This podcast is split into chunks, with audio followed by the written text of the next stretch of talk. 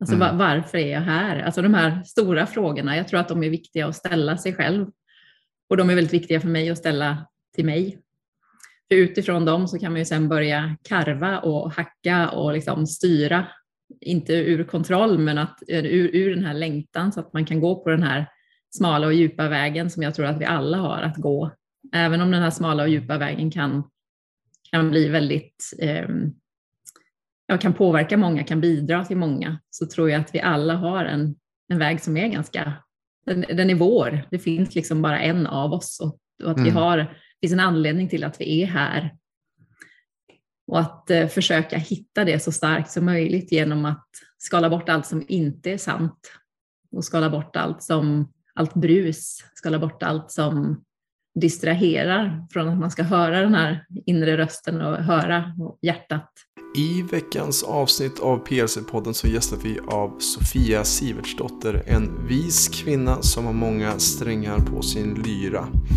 Framförallt så är hon numera författare men har det förflutet som yogalärare och meditationslärare och mycket, mycket andra saker. I detta samtalet så pratar vi om livet. Vi pratar också varför det är så viktigt att ha riktning och mening och även hur vi kan kultivera mer inre frid i oss själva och varför det är så viktigt att hitta tid för tystnad i sitt liv. Detta och mycket annat intressant berör vi i veckans avsnitt av PLC-podden. Tack för att du lyssnar. Välkommen in. Hej och välkommen tillbaka till PLC-podden, podden som förändrar Sveriges syn på hälsa med mig Robin Hallsten. Jag är tillbaka med ännu en ny gäst i dagens avsnitt. Ingen mindre än Sofia Siverts dotter och det är alltid så intressant när man ska beskriva vem någon är för att det ser jag i Sofias resumé att det finns så många olika saker som vi har på, vi har så många strängar på vår lyra. Men om jag ska bara ge en liten, liten kort eh, bio om vem hon är så är hon författare och har även ett förlag och gett ut nio böcker. Eh, hon har också varit massör, yogalärare och pilgrimsledare, hållit på mycket med meditation och den biten också. Välkommen till PLC-podden Sofia och du får gärna fylla i med vem du själv anser att du är eller vad du brukar beskriva dig själv som. Eller om jag vill protestera mot något. ja, precis. ja, nej, men tack så mycket för att jag får komma hit. Och, nej, men jag tycker att det, det låter väl bra det där. Jag eh, tycker att det är oerhört svårt att beskriva mig själv såklart, som för alla. Och ganska oviktigt också egentligen, för allt det som man berättar är någonting som finns bakom en. Ja. Och det är inte lika spännande som det som finns nu och i framtiden.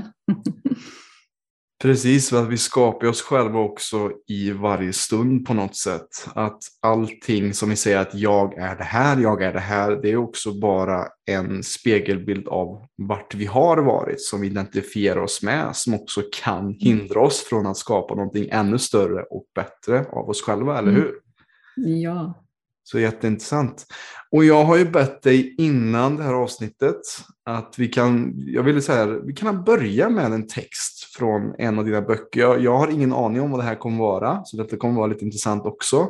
Och det kanske kommer vara som en liten ton för det här samtalet tycker jag idag, Sofia. Så vill du börja med att läsa en text? Vilken bok har du valt eller vad har du valt för något? Jag har valt en bok, eller en text från min senaste bok, Små tankar om livets stora frågor. Mm. Och i den boken så svarar jag på frågor ja. om, om livet, stort och smått. Mm. Och eh, inte med tanken om att jag har alla svar såklart, utan att det ska bli en öppning för de som läser att kunna reflektera kring sina egna svar. Mm. Och den här frågan som är ställd här lyder så här. Hur finner jag hopp i en kollektivt mörk tid? Himlen klarnar upp. Jorden ligger vaken och väntar på våren. I träden jublar knopparna, för snart kommer de att spricka ut och få se jordelivet. I söder gör sig tofspiporna redo, de färdas mil efter mil. I marken förbereds sommarens vackraste blåklockor För livets vinter har alltid ett slut. Himlen klarnar upp. Du vågar tro, även när natten känns lång. Du vandrar, även om du inte ser stigen framför dig. Du sjunger upp och förstärker vårens klanger, även om kölden försöker hålla dig tillbaka. Du låter dina ögon landa på det som är vackert och välvilligt, för du vet att godheten vinner överallt. Himlen klarnar upp. Du står på randen till framtiden, till ljuset, till hoppet.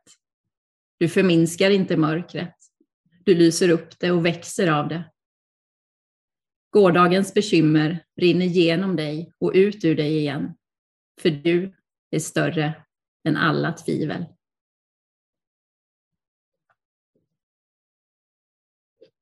Väldigt passande för vart vi är i just nu Sofia. Alltså det här är ju klockrent. Um, både att vi är precis på väg ur en vinter i just årstiderna, att det är vår, att det spirar mycket nya idéer och tankar. Men också att det känns som kollektivt att mänskligheten är inne i lite en vinterperiod. Eh, just med att vi har krig, vi har eh, miljöfrågan, vi har mycket saker som verkar så mörkt i dagens samhälle och det känns som att framtiden är väldigt osäker. Mm. Um, och då behövs sådana här stärkande ord. Det behövs ett, en gnutta hopp. Det behövs ett frö av just kärlek och ljus för att vi ska kunna ta oss igenom detta. Och, och någonting mm. som jag tänker på, jag tänker på böcker som jag har läst som Man Search for Meaning av Viktor Frankl som satt i koncentrationsläger och som var också psykolog som insåg att de som hade just mer hopp och mening för sin framtid, de överlevde längre i koncentrationslägren än de som mm. tappade hoppet och, och, sin, sitt ljus helt enkelt. Mm. Eh, och på tal om andra böcker så tänker jag också på The Fourth Turning som också är en intressant bok som handlar just om Ehm, som har också förespått den här tiden vi är inne i. Att mellan 2020, eller 2005 till 2025 eller 2028 någonstans så är vi i en kollektiv vinter och det banar väg för en ny vår som kommer runt 2028-2030. Ehm, så det är också intressant just hur den här boken handlar om också om just de här fyra, att det går i 80 års cykler. Att varje period, Eh, att det delas upp i fyra då, att varje period är 20 år. Så vinter är 20 år, sen vår 20 år, eh, sommar 20 år och höst 20 år. Så det kan man också se om man går tillbaka 80 år. Vart var vi då? Jo, det var vi precis i, i slutet på andra världskriget. Vad skedde då? Då trodde folk också att det var en mörk tid framför oss. Men vad skedde när det blev fred? Jo, då var det liksom en stor ekonomisk boom och baby boomers är också någonting som vi, vi tänker på. Så att det finns hopp. Det finns ljus, um, men det är svårt att se det med vårt mänskliga öga. Att se där mm. vi är just idag, för att vi är också väldigt Ehm, även fast ett jordliv är 80 år så är det också en, en fjärt i rymden när det kommer till existensen. Mm. Vad tänker du när jag säger detta? Oj, jag hann tänka jättemycket här. um, nej men jag tror att dels tror jag att det är viktigt att låta den här eh, oron och svärtan få plats. Inte för att låta den styra på något sätt, utan för att inte måla den med rosa färg, utan att det är, det är tufft nu för många och att det är någonting som, eh, som vi behöver på något sätt hedra också, samtidigt som vi lyfter in ljuset, lyfter in hoppet, försöker se framtiden, försöker lyfta ifrån det här lilla livet som man är i som människa. Men kanske ännu mer när vi hamnar i olika typer av kriser, att, man, att livet blir mindre. Man behöver se till det man har här och nu, just idag, i sitt, ja, i sitt allra närmaste. Mm. Så jag tänker att det är kort tid för många, som sagt. Och att, yeah. eh, vi har alla både ljus och mörker i oss, alltid. Och mm. världen består också av ljus och mörker alltid. Och det går ju att hitta precis lika mycket ljus nu, även om det är mycket mörker som målas upp så, så finns det ju lika mycket ljus om man letar efter det. Sen är det ju mörkret får ju väldigt stort utrymme eh, eftersom det är så ofta ja, men både ondskefullt och också får plats i medier för att det säljer mer och eh, rädsla är ju någonting som människor har väldigt lätt att luta sig tillbaka i. Ja. Så att, um, jag tänker att det, det, är viktigt att ta tiden för, för reflektion, tid för begrundan och tid för de känslor som dyker upp för att sedan kunna förvandla dem och mm. kunna se bortom dem. Jag tror inte som sagt att det går att, att skyla över någonting utan vi är där vi är nu och det Ja, vi har precis kommit ur en pandemi. Nu kommer ett krig som är eh, närmare oss än vad vi ja, i, i vår generation har varit med om tidigare. Och att det också är väldigt ödmjukande som människa. Och jag tror att blir man ödmjuk så kommer man också nära ljuset. Att det inte är en självklarhet kanske att vi kommer leva med fred alltid i, i vårt land heller. Och då tänker jag att det finns en, en vinst i det, att man uppskattar det man har nu. Att just idag har vi inte krig här, så just idag kan vi använda all den kraft vi har till att hjälpa dem som har det. Exakt. Ja, för det är så intressant också. Ehm, jag är ju precis fyllda 30 år och just jag har aldrig liksom varit med om att gå in i en livsmedelsaffär och det inte finns mat. Det finns liksom, du har alla, det är sånt överflöd. Och det har varit så mm. intressant för mig att inse det sista månaden eller det sista året att shit, vilket överflöd jag har alltid varit och levt i. Och inte varit med om vad typ min farfar var med om, att han levde på krigstiden och det var ransonering och den biten. att Det är intressant hur vi ställs inför det, men också hur mörkret också på något sätt bringar fram ljuset i oss ännu mer. Det gör att ljuset blir mm. ännu starkare i oss också. Vi måste anpassa mm. oss och eh, bli smarta med de resurserna vi har. När vi lever i ett överflöd mm. så tänker vi inte på det överflöd vi lever i. Att vi också har liksom, Google och vi kan, vi kan eh, bara söka på någonting. Vi, vi tar det för givet att vi har elektricitet och internet och bredband och, och, och mat i överflöd. Så att det är också det att mörkret tar också fram kanske både mörkare saker i oss själva också, men också att det skapar mer ljus på ett sätt och vi behöver de här polariteterna. Och det är exakt mm. det jag ser också med det jobb vi har på PLC. Vi jobbar med främst eh, kvinnor som har bränt ut sig eller blivit, eh, gått in i depression eller har haft mycket problem med sin hälsa. Och på något sätt så ser jag, om man skulle se det på en mer andligt eller spirituellt sätt så ser jag att vi på PLC vi är lite som ett, ett ljus, en liten glödlampa för de här eh, kanske personerna som varit lite vilsna i sin egen hälsa och behöver verktyg, de behöver hjälp, de behöver råd. Och på så sätt är vi lite som, kan vi hjälpa dem att vara lite en, en uppvakningsagent för dessa klienter och inse att de har så mycket mer kraft inom sig eh, om de får bara rätt vägledning, guidning och verktyg. Och det är det som, som jag ser i det stora hela om man tänker bort från sömn, andning, kost och träning och vätska och det som vi också snackar om såklart. Men just den här mer symboliska kanske platsen som vi på PLC har i våra klienters liv. Att försöka vara mer ljusbringare till någon som kanske haft mer mörker och, och också att också respektera mörkret som du säger. Att det finns en plats och det finns mycket lärdom. Jag brukar säga, för att också eh, citera en av mina favoritartister, Trevor Hall, har ett album som heter just The Fruitful Darkness, det fruktfulla mörkret. Att vi också på ett sätt som människor, vi föds också från, vi kommer från en mörk plats, vi kommer från livmodern ut i ljuset. Mm. Eh, och att varje kris är också som en födsel till någonting större. Om vi kan alkemisera mörkret. Mm. Mm, jag blir glad när jag hör dig. Mm. 30 mm. år och väldigt, väldigt klok. Och att ja, dessutom, tack. tack. Mm. Ja, men använder det på ett bra sätt och vilken, mm. viktig målgrupp också, för jag tänker att det är också en målgrupp som har så oerhört mycket kraft och ljus i sig. Absolut. Och, eh, jag tänker eh, det vi talade om här om, om ransoneringar och att, att det här att skala av. Jag tänker om man är på, på sommaren, om man är ute på landet någonstans och ska handla på ICA, så finns det plötsligt bara en tandkräm. Eh, eller kanske inte en, men en sorts, så, eller några stycken. Och att det, det är ju väldigt, väldigt skönt också.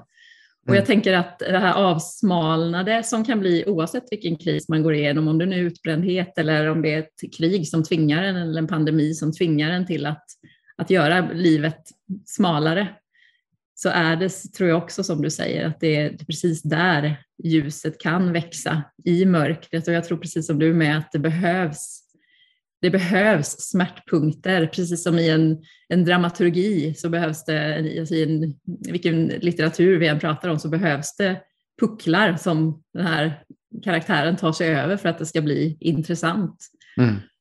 Jag tror att våra liv, att skönheten föds ur smärta och svärta. Och godheten föds också därifrån. Och som du sa, vi kommer ur mörkret och vi kommer återvända till kanske ljuset. Mm. Eh, ehm, men att det, ja, det är, det är precis som ett andetag, tänker jag, mörker och ljus. Att vi behöver både och. Vi behöver andas in, vi behöver också andas ut. Exakt. Exakt, och det är det som jag tycker är intressant. Eh, tyvärr Sofia så har inte jag hunnit läsa någon bok av dig än, men jag har lyssnat på det och gjort research och ser att det finns ett otroligt djup i det du gör och man ser liksom vad essensen av det du gör är. Eh, kan du beskriva lite eh, för oss just hur, för det låter som att det som vi har pratat om här nu, det är mycket av din, din inspiration till det du skriver och jag hoppas på i framtiden kunna såklart läsa fler av dina böcker. Eh, men kan du lite kort berätta om ja, vart du får din inspiration till att skriva de här böckerna? Ja, den frågan är så svår, för jag, jag mm. kan nog egentligen inte svara på den. Alltså det uppenbara kan jag svara på att eh, musik är oerhört viktigt för mig. Jag lyssnar mm. oerhört mycket på musik och älskar att vara i, i den, ja, men den känslan som musik ger på olika mm. sätt. Eh, mm. Den stämningen som det kan ge. Naturen är också en, en sån kuliss som jag behöver ha i mitt liv för att för att jag ska må bra och jag tror att det är ur må bra-andet som skrivandet sker också. Att skrivandet och livet är väldigt tätt ihop-länkat för mig. Mm. Och, och, inspirationen kommer ju någonstans ur livet.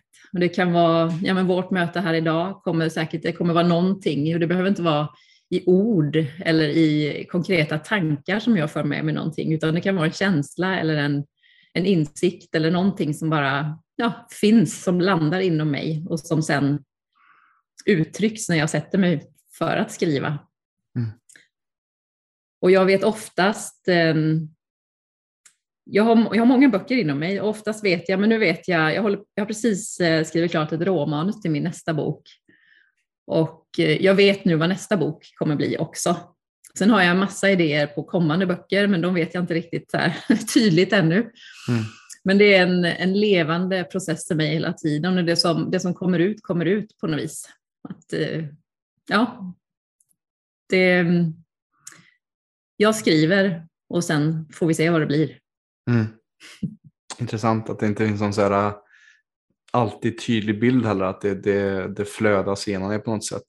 Eh, fantastiskt att höra. Men Någonting som jag tänkte på som kommer precis innan vi hoppar in i den här intervjun bara tänkte jag en fråga som poppade upp bara. Hur, hur viktig är tystnad i din skapelseprocess Sofia? Mm, alltså just när jag skriver så har jag oftast musik faktiskt. Ah, okay. Mm. Eh, inst, alltså, utan, utan ord behöver mm, det ju vara, mm. så instrumentell musik. Mm. Men annars så är tystnad på olika nivåer oerhört viktigt för mig. Dels ja, men ren meditation. Jag tycker oerhört mycket om att vara i det här inre rummet. Jag trivs väldigt, väldigt bra där. Jag skulle kunna sitta där flera dagar. um, och sen eh, tystnad i form av att, att inte bli störd är också viktigt för mig. Alltså störd av ord och ljud som ja, men på något sätt hela tiden avbryter det som pågår inuti. Mm. Det är också viktigt. Och jag åker regelbundet iväg för att få den här tystnaden och ensamheten handlar om mycket för mig också. De går väldigt tätt i hand, hand i hand för mig. Ja. Att, att vara helt ensam och att vara i tystnaden. För att då på något sätt så, så syns allting klart. Eh, mycket klarare i alla fall än när jag befinner mig i en vardag där det är hela tiden man ska hämta posten och man ska laga mat och man ska ja, betala räkningar och svara på mejl och så. Mm. Så att det är oerhört viktigt för mig och jag längtar hela tiden efter mer tystnad och mer ensamhet. så är det. Mm. Eh, även om jag tar mycket tid till det så är det alltid på något sätt, det är mitt, mitt happy place. Mm. Och jag kan tänka mig många som lyssnar på det här, shit, och vara tyst, det är ju jättejobbigt. Eller att, att, att det, är, det är en resa lite det här med att kunna vara tyst med sig själv. Att kunna lyssna in, för att ofta så är vi som människor väldigt bra på att fylla upp allt tomrum med en aktivitet eller någonting för att vem är vi när vi inte skapar eller när vi inte producerar eller när vi inte gör någonting för någon annan. Eh, och just att som jag märker när jag ger utrymme i mina coachingsamtal till exempel till, till de jag jobbar med, att lite tystnad och känna in hur känns verkligen det här? Okej, okay, du har ångest i bröstet, kan du känna det här? Och oftast är det för att vi inte vill stanna upp och känna det här jobbiga. För att det finns sorg bakom, det finns tårar bakom. Men när vi mm. låter oss känna så brukar det också komma upp glädje och, och skratt också bakom de här känslorna. Det är jättevanligt när, när jag har klienter bara, åh vad skönt. Jag har varit så rädd mm. för att känna den här ångesten, jag har varit så rädd för att känna den här ledsamheten. Men nu känns det som att jag tappade 10 kilo ungefär. Mm. Så tystnaden är no, så. Det tror jag att, förlåt. Nej, fortsätt du. Fortsätt du. Nej, jag skulle säga att, att kärnan i oss består av ljus, tror mm. jag. Och att mm. sen, ja men det här som du säger, de här lager av ja men sorg tror jag vi alla bär oavsett vad vi har gått igenom i livet. Både utifrån våra individuella upplevelser men också utifrån vad vi ser dagligen. Mm. Alltså jag tror inte att man som människa kan leva i det vi lever nu och inte känna sorg. Och det kan ju mm. vara ja, bilder som målas upp på nyheter och eh, levnadsöden som man får ta del av. Det, det, ja, det är en, en sorg och, och sorgen i sig är ju inte farlig, eller tårar är inte farliga, utan det är ju det vackraste och det renaste när känslan får komma fram som den är. Mm. Det är ju när, den, när man försöker trycka ner den eller förvränga den som den blir, kan bli ett problem. Ja. Ja, jag tror också, jag tänkte på det nu, för nu innan vi startade vårt samtal här så tog ju vi på initiativ av dig en mm. minut när vi bara satt i tystnad och det är ju så underbart alltid. Ja. Och jag tror att eh, eh skulle alla göra det alltid inför varje möte på, på olika arbetsplatser och ja, i riksdagen och så, så skulle vi ha en helt annan värld kanske att förhålla oss till. Mm. Ja, för när vi kan ta ett steg bakåt, lite på andas och bara okej, okay, hur viktigt är detta jag stressar över egentligen? Och vi får lite perspektiv och um, det är någonting som jag gör inför alla poddar och det är ingen som säger nej till att, att den inbjudan faktiskt, än så länge. De vågar och, inte. Nej, precis exakt. men, det, men det är lite som, eh, jag hade en av mina eh, vet du, en av mina mentorer kan man kalla honom, eh, Kåre Landfall, han var med i PLC-podden avsnitt 26. Han är skapar något som heter Zen coaching och han snackar om det, så micro holiday. Let's take a holiday from ourselves, brukar han säga. Mm. Och ta ett par djupa andetag. Och just det det är, att just bara ah, tillåt dig själv att vara. Glöm bort mm. lite alla de här tankarna på vad du ska laga för mat och alla dina mm. relationsproblem. Och bara landa in i dig själv. Tillåt dig själv bara vara här en minut. Ett par andetag bara. Och det är intressant hur mycket skifte som kan ske om man gör det regelbundet i sitt liv. Att bara stanna upp. Det behövs inte mycket. Det behövs inte alls mycket. Och precis som du säger det, jag brukar säga det att, att tårar, precis som du sa, om vi, om vi trycker undan dem, det är som saltsyra på insidan men vackra kristaller när de kommer ut ner för kinder. Att det är just mm. att det kan verkligen bryta ner oss att bära på sorg eller även bära på glädje som vi kanske inte tillåter oss själva att känna också. Mm. Att det kan vara åt båda hållen faktiskt. Men jag tänker också så här Sofia, vi snackar om ljus och mörker. Vad, hur kultiverar du mer ljus i ditt liv och i ditt skrivande? Mm. Alltså, tystnaden är ju en del av det. Mm. Tystnaden är väldigt tillåtande, både för ljus och mörker, tänker jag. Um, sen tänker jag också att det är viktigt att acceptera allt som man är.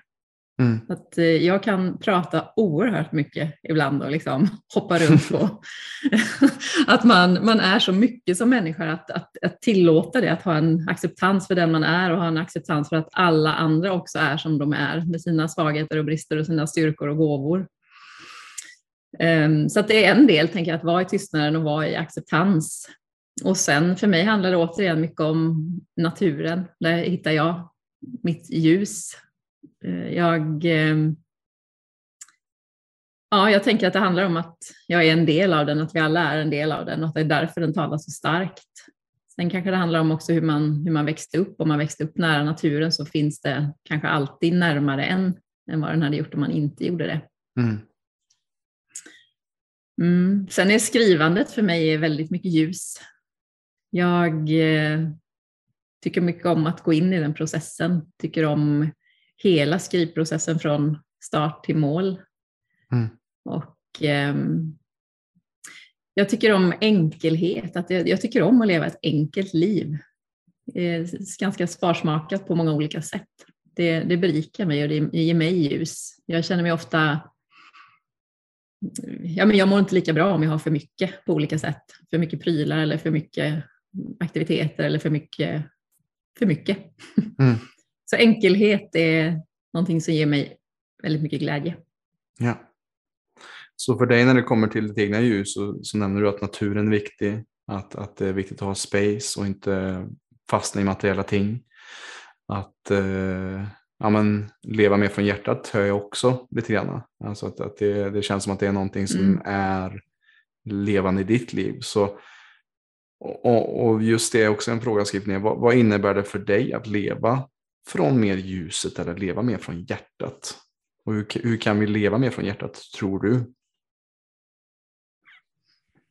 Ja, jag tror igen att det börjar med tid för begrundan. Tid mm. att verkligen känna efter vad, ja, men vad finns det för längtan i mig? Vad, vad, vad vill jag egentligen? Alltså, mm. var, varför är jag här? Alltså de här stora frågorna, jag tror att de är viktiga att ställa sig själv. Och de är väldigt viktiga för mig att ställa till mig. För utifrån dem så kan man ju sen börja karva och hacka och liksom styra, inte ur kontroll men att, ur, ur den här längtan så att man kan gå på den här smala och djupa vägen som jag tror att vi alla har att gå. Även om den här smala och djupa vägen kan, kan bli väldigt eh, kan påverka många, kan bidra till många, så tror jag att vi alla har en, en väg som är ganska, den, den är vår. Det finns liksom bara en av oss och, och att mm. vi har finns en anledning till att vi är här. Och att eh, försöka hitta det så starkt som möjligt genom att skala bort allt som inte är sant och skala bort allt som allt brus, skala bort allt som distraherar från att man ska höra den här inre rösten och höra hjärtat. Mm. Jätteviktigt. Den kommer också ofta tillbaka till. Eh, det är en väldigt vanlig fråga som jag när klienter inte vet vart de ska eller de känner sig vilse. Bara, men vad längtar du efter? Mm. Vad, vad, är din hela varelse? Vad längtar du efter? Det är en väldigt bra fråga och för dig som lyssnar så kan det också vara bra att när du ställer den frågan första gången så kanske det kommer upp så mycket. Men att ha det som en daglig, liksom, skriva det i din dagbok eller någonting. Vad längtar jag efter? Och sen så kommer du se mm. en röd tråd dag för dag, mm. vecka för vecka. Okej, okay, jag längtar efter mer frihet, jag längtar efter mera samhörighet, jag längtar efter mer natur, vad det nu kan vara. Och sen så har man, då som du säger, om du vet vad du längtar efter, då har du en tydligare kompassriktning, en tydligare norr att gå efter. Istället för mm. att låta dig bli omkullkastad av livet så kan mm. du helt enkelt sätta riktning och på så sätt ta bort, som du säger, skala av det som inte, inte är att livet behöver handla om att vi behöver lägga till mer, utan hur kan vi skala bort mer så att vi kan bli mer av oss själva helt enkelt. Mm. Um, så det tycker jag är det, jättefint. Mm, jag med. Mm. Jag tror inte vi saknar någonting. Nej, nej. Utan att det är, det är lätt att tänka att man, men vi, vi saknar en kurs. Mm. Det är då, går jag den här kursen eller får jag det här jobbet eller ja, lägga till någonting. Men jag tänker att vi är som, som vackrast när vi skalar av så mycket det går. Alltså mm. när vi är helt mm. nakna liksom, in, in i vår kärna. Mm. Men, men det är lite som jag ser det, det är den stora illusionen eh, som jag också stöter på med klienter också. Att men jag har ju barnen, jag har ju huset, jag har ju min man, jag har ju husdjuret, jag har de här grejerna. Men jag har inget att klaga på, ändå är jag inte lycklig. Då brukar jag säga grattis.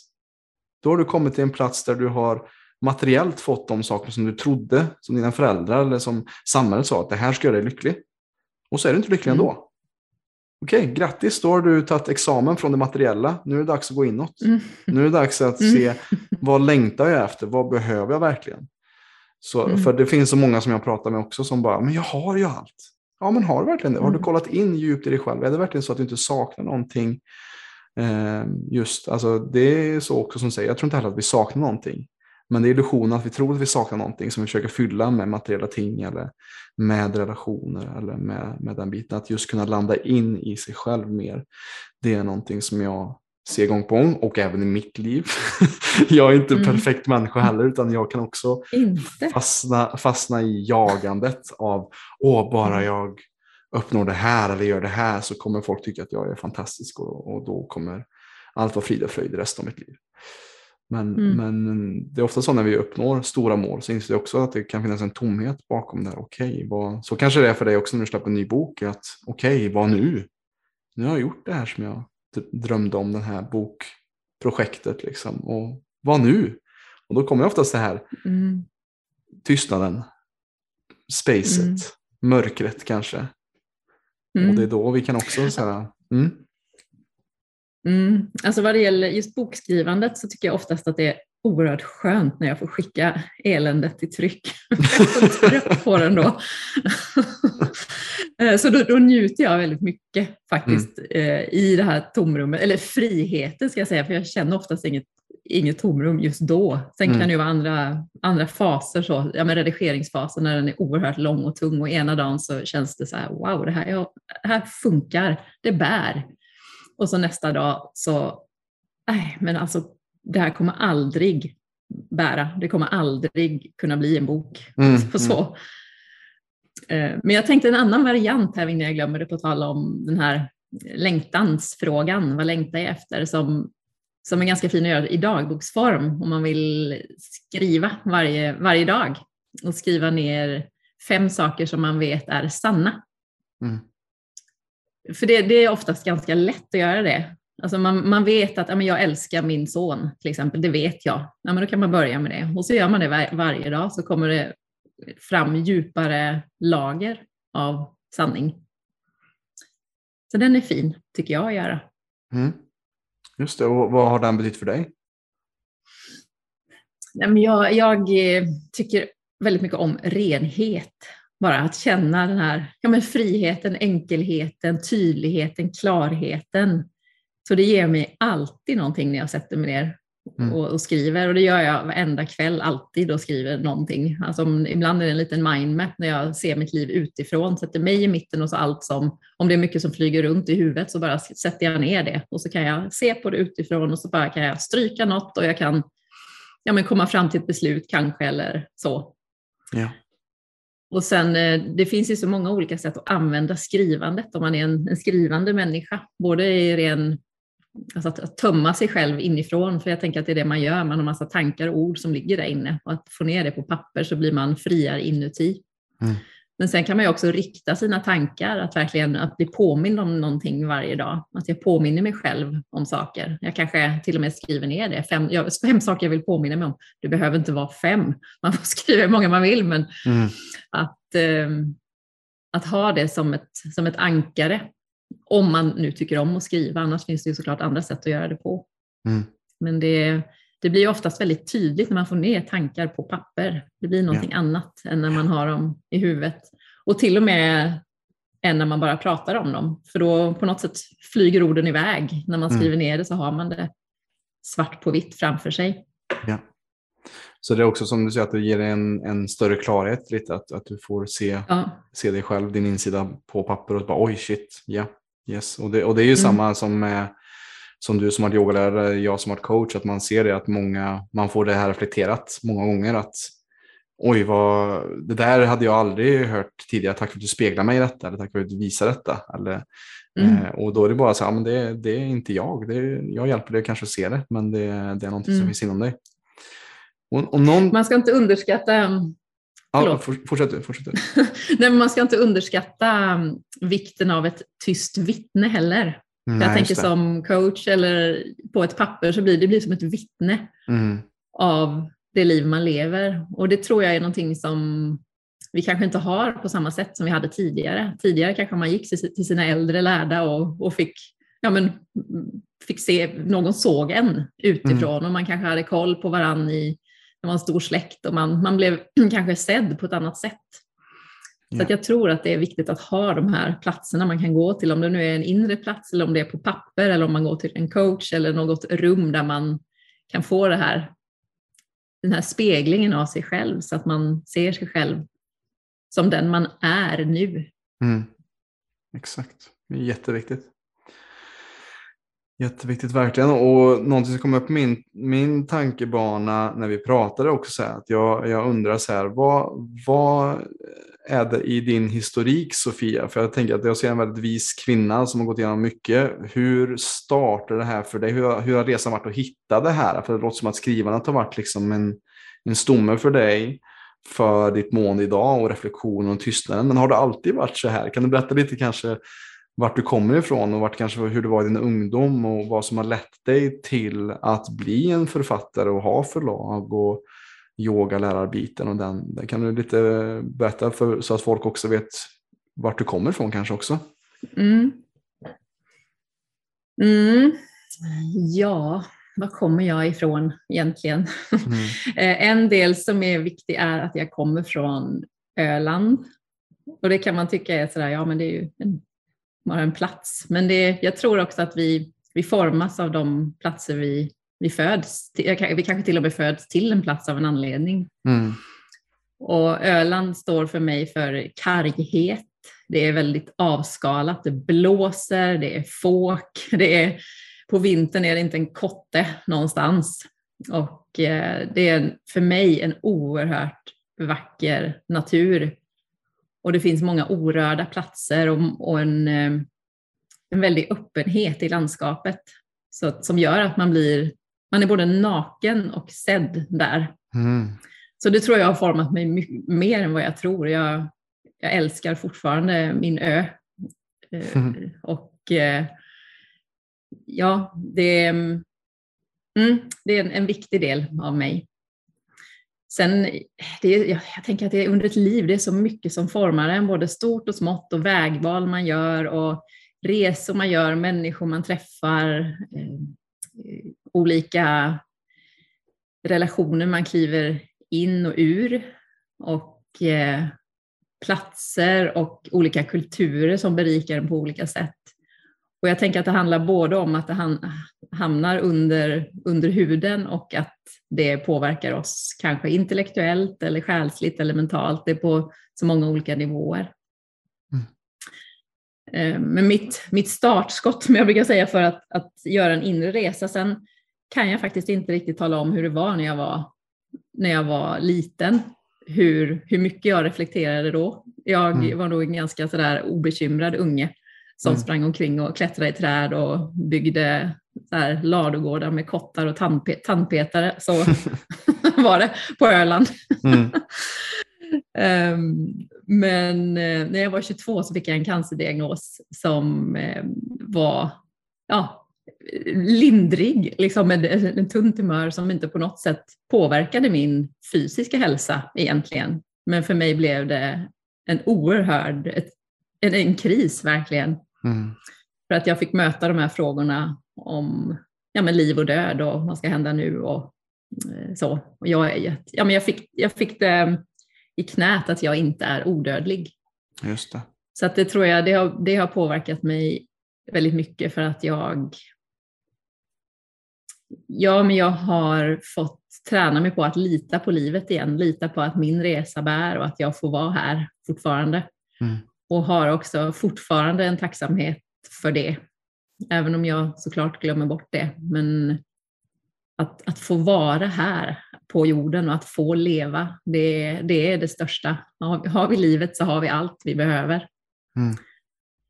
Så mm, det har varit viktigt. Sen är resande har varit viktigt för mig också. Min far är sjökapten så jag har rest mycket med honom och också rest mycket själv. Och eh, det har nog på något sätt lett mig till att den inre resan är den, den mest intressanta men den kan berikas av yttre resor och yttre, yttre ja, men kulturer och platser där man, ja, men där man helt enkelt får upptäcka sig själv på nytt. För det är precis som när man flyttar så får man så här, men, ja, vad ska jag gå och handla nu? Att man får, man får omvärdera vem man är. Och det tänker jag att det får man göra väldigt mycket när man reser. Att, nej men här ser toaletterna ut så här istället för som de gör i Sverige.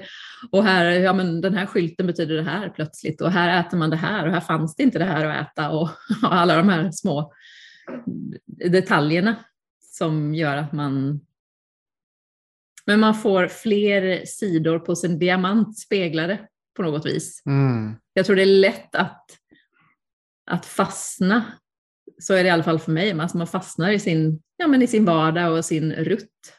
Så även om den är, kan vara oerhört vacker och precis som man vill ha den så är det ändå en, en rutt som förmodligen är helt rätt. Men ibland är det fint att bli omruskad också. Och det kan man bli på så många olika sätt tänker jag. Och nu blir vi omruskade väldigt mycket på en, på en större nivå här, alltså i, i samhället och i världen. Men också i det lilla, att vi Mm. ibland kanske bli omruskade av det som sker, det som vi drabbas av, men också att vi själva ger oss ut och söker äventyret för, för livets skull. Yes, exakt. Och jag tror det är en sån kan känna mig det också, att det har också varit en del av mitt, min 20-års ålder också, att just att resandet och utforskandet. Eh, men också samtidigt kommer jag tillbaka till gång efter annan att resan på det inre planet kommer alltid vara liksom den största resan på något sätt. Att, att, mm som man också säger ibland, att den längsta resan vi människor kan göra är från huvudet ner till hjärtat. Mm. den är bara mm. en fot men det kan ta väldigt lång tid för att komma ner dit. Mm. mm. Och också som jag tänker, vi har ju snackat mycket om mörker och ljus och här ser vi också hur mörker gav dig, även fast det kanske inte var trevligt just när det hände, just när du fick cancerdiagnosen, men det satte ditt liv på spets. Mm. Det gjorde liksom att, oj, hur kan jag leva ännu mer nu? För att nu flämtar mm. döden lite i min nacke här. Mm. Så det, det är där som är också ett exempel på hur mörker kan faktiskt bringa en mer medveten närvaro till vad vi faktiskt har och att vi tar mm. vara på den tiden vi har för att vi vet aldrig när våra liv tar slut. Eh, för de som har lyssnat på podden också så var jag med om en ganska rejäl bilolycka här för tre månader sedan där jag okay. mirakulöst kunde kliva ur bilen utan en skråma. Mm. Men det var också så här att det är också en så här shit, det här eh, jag behöver sakta ner lite i mitt liv. Jag behöver ta det lite lugnt och reflektera och, och varför mm. har jag så bråttom i mitt liv? Um, mm. För annars kanske inte jag hade varit. Du har mycket du vill, du har mycket du vill göra. Exakt, jo precis. exakt, men, Förlåt, ja, jag avbröt dig där. Nej, men det, det är exakt så det är tror jag. Och att inse att jag har mycket tid kvar. Mm. Men ju mer jag stressar desto, desto mer kanske också kortar ner mitt liv också. Mm. Att ju mer vi stressar desto... Nej, och sen kanske inte, jag tänker att längden kanske inte är det viktigaste, alltså hur länge man lever, utan att, att, att dö i frid kanske ja. är viktigare. Alltså ja. Att, ja. Sen tänker jag också de här, jag minns så väl när jag, jag hade fått ett brev från min läkare där det stod ja, men ut och lev ungefär. Allt ser bra ut, ut och lev. Och då, mm. Jag satt på en buss, kommer jag ihåg, precis när jag var på väg till ett möte.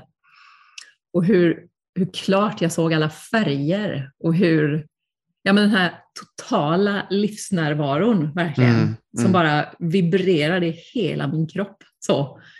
Och det är det som svärtan kan göra om vi hittar ur den. Så jag tänker att den kan ju, kan ju bo på insidan också. Exakt. Men eh, hittar vi ur den så kan den, är den ett, som en trampolin, tänker jag. Ja, exakt. Det, det, det är liksom som att det är som en knivsägg lite grann. Att, att, vi, att vi blir mer närvarande i, som jag sa, just hur, hur värdefullt vårt liv är. Och exakt som du säger också, håller jag med om.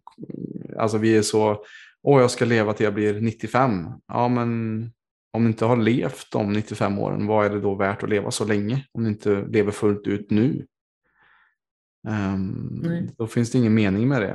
Och du har människor som lever 95 som kanske lever med jättemycket smärta och som kämpar emot livet men som blir gamla och så har någon som kanske blir 35 men som har levt sitt liv fullt ut varje dag och levt mm. som att det inte finns en morgondag eh, och på så sätt haft ett mycket rikare liv än någon som har eh, spelat säkert i hela sitt liv och inte gått in i sin fulla kraft och kapacitet. Nej, det är sant. Jag tror inte att det går liksom inte att väga och mäta ett liv, utan det, det bara är. Det är en, mm. en ständig gåta för mm. oss alla. Mm. Vi kommer aldrig förstå det ju fullt ut. Det, det bara är och dagarna kommer och går och vi mm. hänger med mm, som med våra små kroppar medan yeah. vi har dem. Exakt, mm. precis. Och, och, eh, du snackade lite om det här, just den här freden eller friden som du hade inom dig när du fick det här beskedet från läkaren där. Du har också skrivit, eh, du har haft ett projekt som heter 365 days of peace, eller 365 dagar för fred som du gjorde. Mm. Jag vet inte riktigt när det var, det var några år sedan som jag förstod det. jag tror det var 2015, 2015. 2014, 2015. Ja. Mm. Um, och det är någonting som jag också vill, så här, vi är också inne som vi sa, inne i en vinterperiod i kollektivt och, och um, snackat om hur vi kan kultivera mer ljus. Uh, och för mig är också fred, en, eller inre frid också ett ljus. Liksom. Vad, vad kan du säga lite om det projekt som du gjorde och vad betyder det för dig och hur kan vi kultivera också mer inre frid? Mm, om vi börjar med projektet så jag kommer faktiskt inte ihåg vad det var som gjorde att jag bestämde mig för att göra det här projektet. Mm. Förutom såklart en, ja, men en, en längtan efter fred. För det, jag återkommer alltid till det. Jag har, det är många olika grupper som jag känner en väldigt stark kärlek till. Alltså äldre och barn och djur och ja, men alla, många utsatta grupper. Men fred någonstans är paraplyt för dem alla. Mm. Och eh, om jag kunde knäppa med fingret så skulle det vara vapen som var det första som försvann och droger på en, en andra plats. Jag tänker att det skapar så mycket elände för så många. Eh, så ja, jag bestämde mig för att göra en sak om dagen i ett helt år för att inte, inte för att jag tänkte att jag kunde skapa fred såklart, men att jag, att jag ville ta ett litet steg med mitt lilla liv här på jorden för att både lära mig mer och för att ja, men göra någonting. Så jag gjorde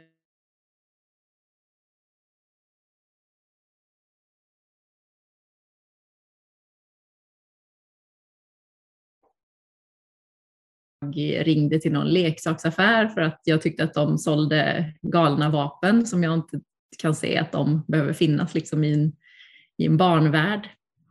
Jag gick kurser och utbildningar och ja, läste och lyssnade på kloka människor som arbetar för fred. Så det gjorde jag och eh, jag tror precis som du att, att världsfred börjar med inre frid för oss alla. Och eh, ingen, ingen människa som mår bra vill ju göra någon illa. Det tror inte, jag tror inte att någon föds ond och jag tror att alla har förmågan att återvända till sitt sanna jag som består av ljus och godhet. För jag tror att det är så vi föds. Mm. Ehm, och för att ge det här ljuset näring så tänker att en, en del är ju att ta hand om sin kropp faktiskt, för att det är där ljuset bor. Mm, men att inte tänka att kroppen är målet, utan att den, kroppen är ett medel ja. för någonting som vi menar att göra här på jorden. Så att eh, ta hand om kroppen så att den har en, en bra, en hög, en stabil energinivå så att, den, så att man har kraft att ge. Och jag tror att, som du var inne på här tidigare, så det här rent krast fysiska, det är egentligen ganska enkelt, även om det kan vara tufft för många av oss mm. att få till det, eh, så är det ju ändå nästa lager som är det viktiga. Alltså att eh, den här energibägaren, om man vill, se, man vill se kroppen som en energibägare så handlar, det ju, handlar kosten om en liten, liten del. Men sen är det ju alla andra saker vi stoppar i oss själva genom ögonen, genom öronen, genom det vi gör, att det påverkar oss väldigt, väldigt mycket. Så att jag tänker att det handlar lite om att hitta vad, vilken typ av trädgård jag vill växa Alltså hur vill jag att mitt liv ska se ut? Om man ser det som en trädgård, vad ska få växa? Vilka blommor ska jag bygga staket runt? Alltså vilka blommor är allra viktigast för mig? Vilka saker i livet är viktigast för mig? Och hur kan jag ge dem så mycket tid och utrymme så att de får växa också i frid och får bli ståtliga. Det är så lätt, tror jag också, det är lätt för mig, att plottra bort en dag det, det är lätt att göra det. det är, man kan scrolla lite på Instagram, man kan googla och sen springa runt och sen var den dagen borta. Men att hitta en tydlig intention, kanske en enda mening som, kan, som man kan lyfta till varje gång man ska fatta ett beslut. Att hitta någonting som, alltså en ståtlig mening som man verkligen behöver för att nå upp till, men som man alltid har i ryggen när man väljer vad man ska göra med sina dagar. Ja. Mm. Exakt, för, för att jag fick det så tydligt i, i en meditation som jag gjorde för eh, ja, i höstas tror jag det var. Då fick jag en sån tydlig bild av att hur vår ryggrad, eller att, att, att sitta rakt och att, att, att vår kropp är som en åskledare. Och mm. de här sakerna som du snackar om är att, att hålla den ledaren ren. Och det är det vi mm. snackar om på PLC, att vi börjar mycket med den fysiska kroppen för att komma djupare. Det är oftast, också oftast det vi ser också i de som har gått igenom coachingprocessen och också är redo för nästa steg. Vad händer nu? Nu har jag ju koll på vad jag äter, hur jag sover, den biten. För vi snackar om de här sex grundprinciperna. Sömn, andning, vätska, eh, kost, eh, workout och work-in. Alltså vad vi ser främst är att våra klienter de tränar för mycket och gör för lite tid för tystnad, reflektion och meditation till exempel. Då. Så att oftast är det mer att vi behöver sakta ner. Och sen sista mm. som är också väldigt viktig, det är tanken.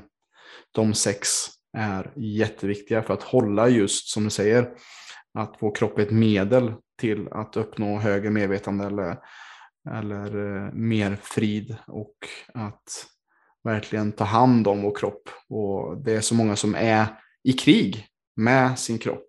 Mm. Man är i smärta och mm. man, man eh, inser inte det här eh, kopplingen mellan, ja men det är faktiskt din kropp.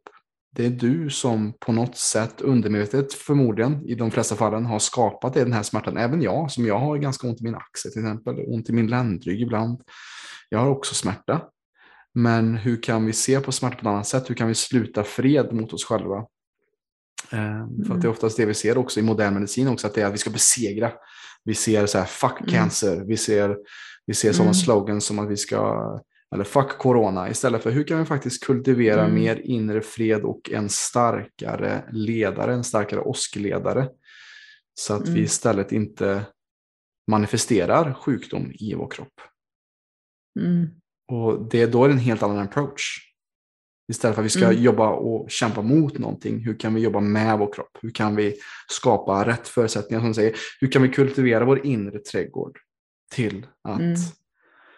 just få saker att växa till vår fördel? Hur kan vi sätta riktning? Hur kan vi ha intention som du säger så att vi inte fastnar på Instagram och Facebook och, och fastnar framför skräp på tvn. Hur kan vi föda oss själv både med det vi kollar på, det vi äter och det vi tänker med mer positivitet och saker som faktiskt kommer gynna dig och din tillväxt i livet. Och det är mm. någonting som väldigt få ja, men försakar. Man tänker bara på den fysiska hälsan. Man tänker bara på, på just eh, hur kroppen ser ut istället för att gå på djupet. Mm. Mm, ja, men på något sätt kanske den inre hållningen kommer först. Mm. För då tänker jag att det är lite samma sak som med, med krig. Att jag tror inte att någon som är, som jag sa, någon som är sund och mår bra vill inte döda.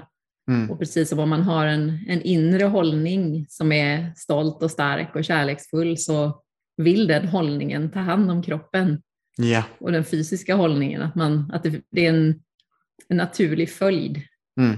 Istället för att man säger nu ska jag äta det här eller nu ska jag träna så här. Istället så är det en, ja, men en längtan inifrån att jag vill röra på mig, jag vill ge min kropp bra grejer. Exakt. Exakt precis hur man väljer att se på saker och ting. För jag ser också det, så väldigt vanligt är också att många av de kvinnor som vi jobbar med, de är också rädda för att äta fett. När fett är, mm. bra fett ska sägas då, är, är någonting av det bästa för en kvinna, för dess mm. hormoner och, att kropp ska funka bra. Men på något sätt har vi fått höra och blivit hjärntvättade med att fett är dåligt och det är mycket kalorier i det. Så att passa dig, du kommer bli fet av fett. Jag kan säga att jag mm. äter nog mer fett än de flesta och jag har mm. inte så mycket fett på min kropp.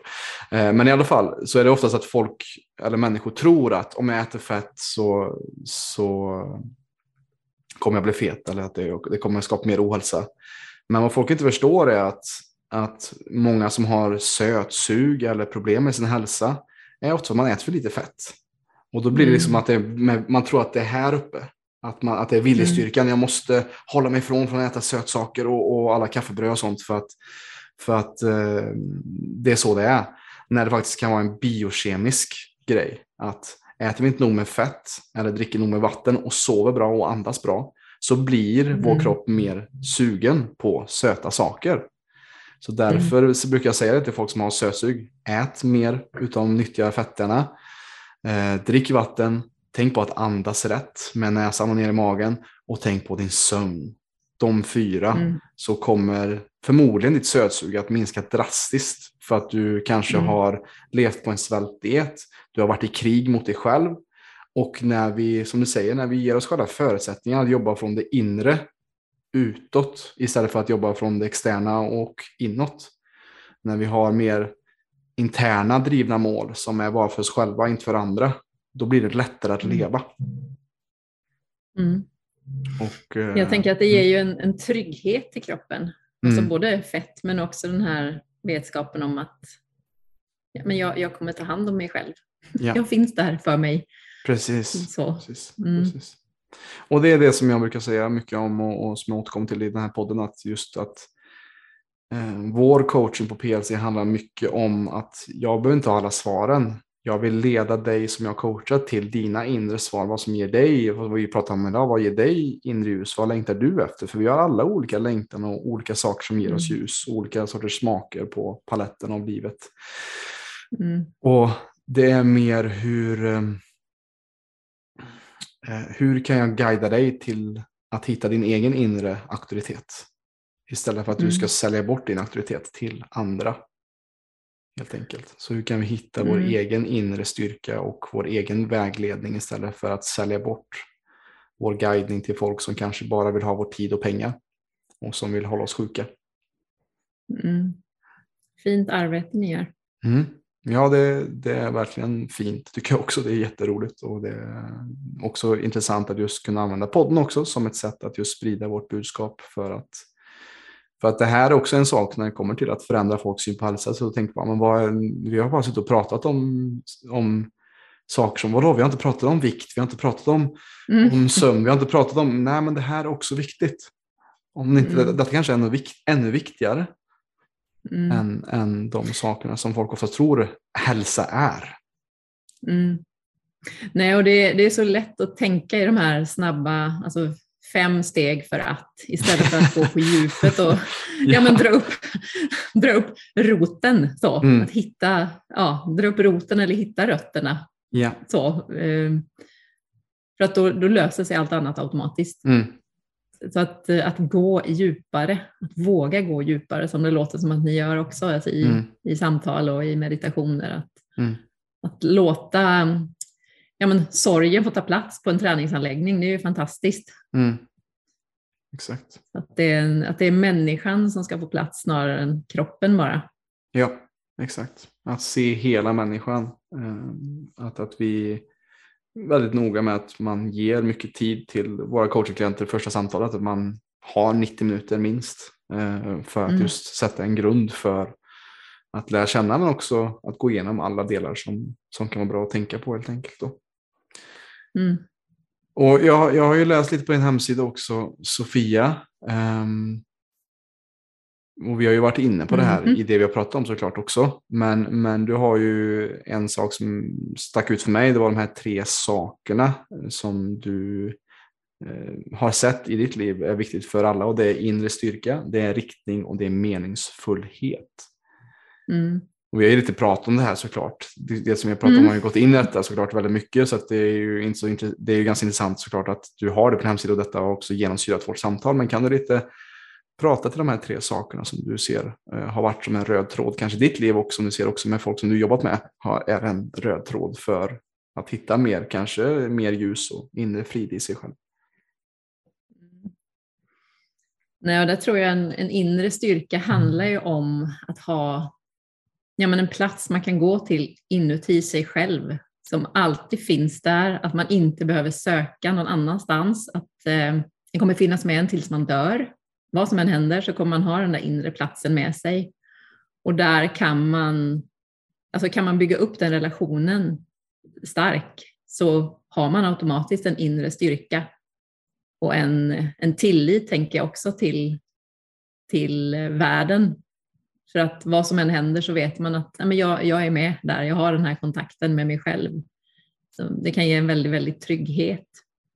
Så jag tror att det är en, någonstans en, en förutsättning för att man ska ja, men känna att man kan gå på sin väg sen om vi talar om riktningen och att man kan känna en känsla av meningsfullhet i sitt liv. Att man har kontakten med sig själv så att man vet var man ska gå och sen att hitta modet så att man vågar gå på den här vägen som är mm. ens egen att gå. Och utifrån det sen så kommer en känsla av tacksamhet och meningsfullhet automatiskt. Det är min tro. Mm. Och jag tänker att i coachingsamtal och i möten med människor så det finns så, det finns så oerhört mycket att upptäcka Mm. Och det finns så många djup och så, bot, så många bottnar i oss alla, så det finns, det finns ingenting som passar alla. Eh, men jag tror att de här tre grejerna är universala. Att vi, vi behöver någon form av inre styrka för att kunna ja, men både stå upp både inom oss och utanför oss. Och sen behöver vi en riktning, vi behöver någonting, någon, någon, ja, vi behöver en väg att gå på, någonting att att sträcka oss efter och känna att vi har en mening varje morgon när vi kliver upp. Att jag har en, ett, det finns ett syfte med mitt liv, jag har en väg att gå på. Så ehm, ja, jag tänker att livet är oerhört komplext och väldigt, väldigt enkelt samtidigt.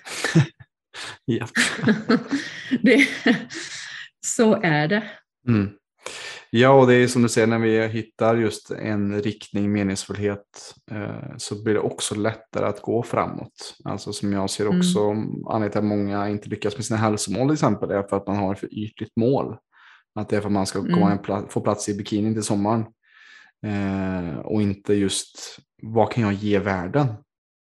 Vad mm. kan jag med min livsenergi och min livsgnista påverka vad kan jag ge till min familj? Mm. Vad kan jag ge till min arbetsplats? Det behöver inte vara att det ska vara till världen, men vad kan jag ge till, istället för att tänka jag, jag, jag, jag, jag. Mm. Hur kan min existens hjälpa andra och ge eh, ro? Hur kan det ge kunskap? Hur kan jag med mina färdigheter, mina unika gåvor som jag har fått tilldelade, hur kan jag påverka världen till en liten, liten bättre plats?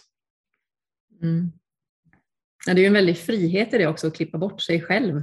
Mm. Att lyfta fram budskapet man har, eller det man tror på, istället för sig själv. Ja. För då blir det, inte, det blir inte så höga krav på en stackars liten människa, utan det är, det är någonting större som man jobbar för. Ja. Och det behöver ju inte vara så stora frågor som världsfred, utan det kan ju vara att man på en arbetsplats har en, en vision som är större än den enskilda människan. Att man vill, ja. ja men som ni, ni har en vision om att ni vill hjälpa de här kvinnorna som ni hjälper. Mm. Det, det handlar inte om er, det handlar om dem och det handlar om det, ja men mm. det budskap och de, den hjälp som ni kan ge. Ja. Så det är som sagt en väldig frihet i det, att slippa sig själv. Ja men precis. Det, det, brukar jag säga ibland för att jag som coach går också igenom väldigt mycket saker också såklart och jag eh, har mina egna problem och utmaningar. Men när man kliver in i coaching, det vad som är skönt är att ah, nu får jag en liten semester för mina egna problem. Nu får jag lyssna på någon mm. annans, eller nu får jag lösa någon mm. annans problem eller bara lyssna. Mm. Eh, och det är det mm. som är gåvan med coaching också, att, att man får ge någonting. Och att jag tror att mm. mycket av vad vi mår bra av är att när vi känner att vi ger någonting, när vi tillför någonting till någons liv, när vi ger en tjänst eller när vi ger av oss själva. Mm. Uh, jag tror att det är vår natur och mycket av det som vi ser uh, som dysfunktion eller att mm, folk säger att människor är giriga. Uh, jag tror att det är mer ett konst, alltså att det har blivit så för att vi har blivit urbaniserade och vi har satt en vild människa i en bur eller i en lägenhet och med massa andra problem med, kring att betala skatt och eh, betala mm. hyra och, och den biten. För går vi ut och kollar på urinvånarna så är det inte så mycket, mycket stress eller så mycket ohälsa utan de lever naturligt enligt, enligt naturens regler och ödmjukhet. Eh, och där tänker man inte så mycket på hur många likes man har på sin senaste Instagram-inlägg. Konstigt nog. Det har inte så mycket betydelse för att de har nog Nej. med eh, energi att lägga på att ha mat för dagen. Och eh, enkelheten i det eh, gör att de mår bra, bättre än vad vi gör i, i den moderna världen. Mm. Mm. Ja, det tror jag kan vara mycket alltså, rädsla också som som gör att man, man fastnar liksom i, sin, i sin lilla värld och så blir man rädd för att någon ska komma och ta något. Men jag tänker också på den här gåvan att, att få hjälpa.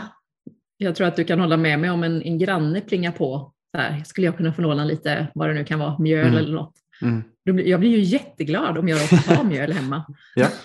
ja, men det är så här, man blir ju jätteglad. Och så tänker de flesta, tror jag, i Sverige att det är så här, nej, vi åker och köper istället för att knacka på hos grannen. Mm. Mm. Så.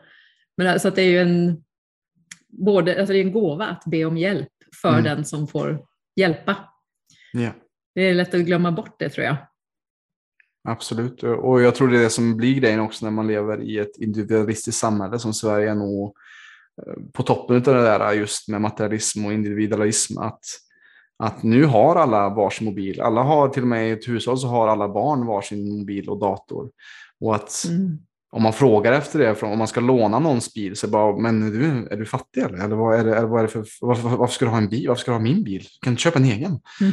Att just att, eh, som jag kommer ihåg min farfar berättade, att när de hade första tvn på bygden så var det liksom, det var folkfest för alla var hos den här personen mm. varje fredag och, mm. och kolla på tv. och det, han fick aldrig själv kolla på tv för att han var så eh, upptagen med att servera kaffe och kakor till de som kom dit för att kolla. För att då, hade, då fanns bara en tv, så då, sam, då blev det en samlingspunkt. Mm. Men nu så har vi så mycket mm. saker så att vi, vi, eh, som du säger, man, eh, man är konstig om man frågar efter saker. För att man förväntas ta hand om sina egna behov istället för att komma ihop. Och jag tror också därför Sverige är liksom ett ensamhälle. Alltså det finns ju en, en dokumentär som heter Swedish Theory of Love som är jätteintressant men jättehemsk också. Just hur, mm hur mycket vi är ensamma och hur folk dör i ensamhet utan att egentligen ha kontakt med någon alls. Och mm. det är mm. lite läskigt faktiskt. Mm, det finns olika typer av ensamhet, helt Exakt. klart. Ja. Gör det. Mm. Mm. Nej, och det tror jag också på tal om den här ja, men TV, tv-tanken. Så när man återigen om man tänker på semester, man är iväg någonstans och har, man har med sig sin lilla väska och bor kanske lite mer spartanskt eller har, har i alla fall inte sina prylar. Mm. jag tror de flesta uppskattar det, att det finns, ja men återigen när man skalar av grejer, alltså det, mm. det händer någonting då. Det finns en TV Mm. Och då blir den plötsligt viktig istället för att det finns 38 000 tv-apparater och det förlorar sitt värde. Yeah. Så, eh, så ja, fint. Mm.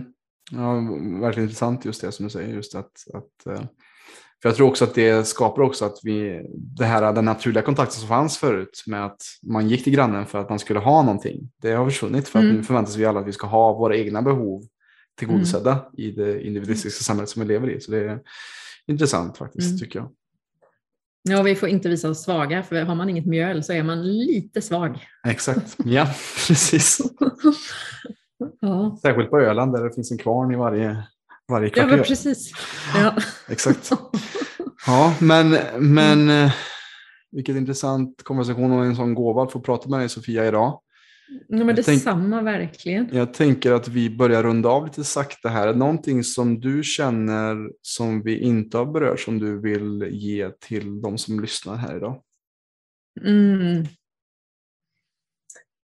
Hmm. Nej, vad skulle jag vilja ge? Jag skulle vilja ge en ja, men modet att verkligen lyssna på sitt inre. Sen är inte det någonting som jag kan ge bort, men jag kunde knäppa med fingrarna så att verkligen ta sig själv på allvar, inte mm. ur ett seriöst, tråkigt perspektiv, utan att verkligen, verkligen lyssna inåt och lita på det som sägs och våga förändra om det inte känns bra. Om man har hamnat i utbrändhet som du nämnde, att, mm. att faktiskt göra förändringarna på riktigt, på djupet att ta den tiden, ta de pengarna som behövs, ta de, ja, men den energi som behövs och rikta den åt rätt håll. Ja. Att det är alltid värt det, tänker jag, att gå den djupa, smala vägen istället mm. för den snabba, så upp på hästen igen-vägen. Ja, exakt.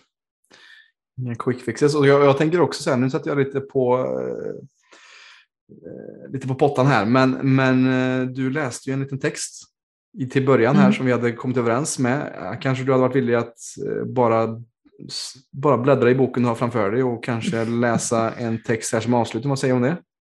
Det är klart jag kan. Absolut. Ska jag bara låta, låter ödet avgöra här? Det får inte vara för lång bara. Nej. Tänker men... jag. Det är några som är väldigt långa. Jag måste hitta en kort så jag får lov att bläddra lite grann. Jajamän. Men då kan vi ju säga det att, eh, att de som lyssnar då, då kan ju faktiskt eh, ge plats för lite tystnad, precis som vi gjorde inför det här avsnittet. Och så mm. slut sina ögon, blunda och så bara lyssna på Sofias text här ihop. Mm.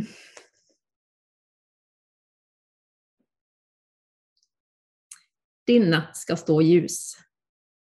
Stormen och mörkret ska inte längre omfamna dig. Månen ska vägleda dina steg genom natten. Stjärnorna ska lyfta ditt hopp och solen låta dig veta att du är älskad. Gräset ska skriva ditt namn i sin grönska.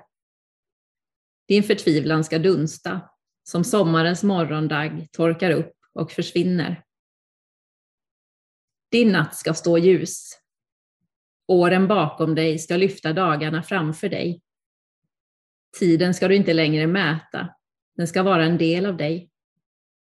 Du ska vara lycklig på ditt eget sätt och du ska aldrig mer känna dig ensam. Din smärta ska vara ett bevis på att du håller ditt hjärta öppet. Din natt ska stå ljus. Misströstan ska omvandlas till styrka. Hopplöshet ska bli till framtidstro. Omgivningen ska vända sina blickar mot dig och du ska få lysa.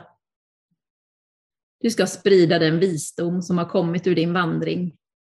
Din resa ska vara en bekräftelse på att bedrövelse är en grogrund för tillförsikt.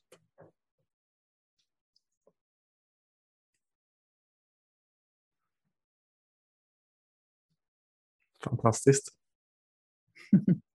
tack. Stort tack. Det känns som en eh, väldigt passande sätt att avrunda här på Sofia. Ehm, hur hittar människor dig på sociala medier? Vart hittar de dina böcker? Kan du lite beskriva det så kommer jag också såklart skriva det här i, i beskrivningen på den här podden också såklart. Mm, tack.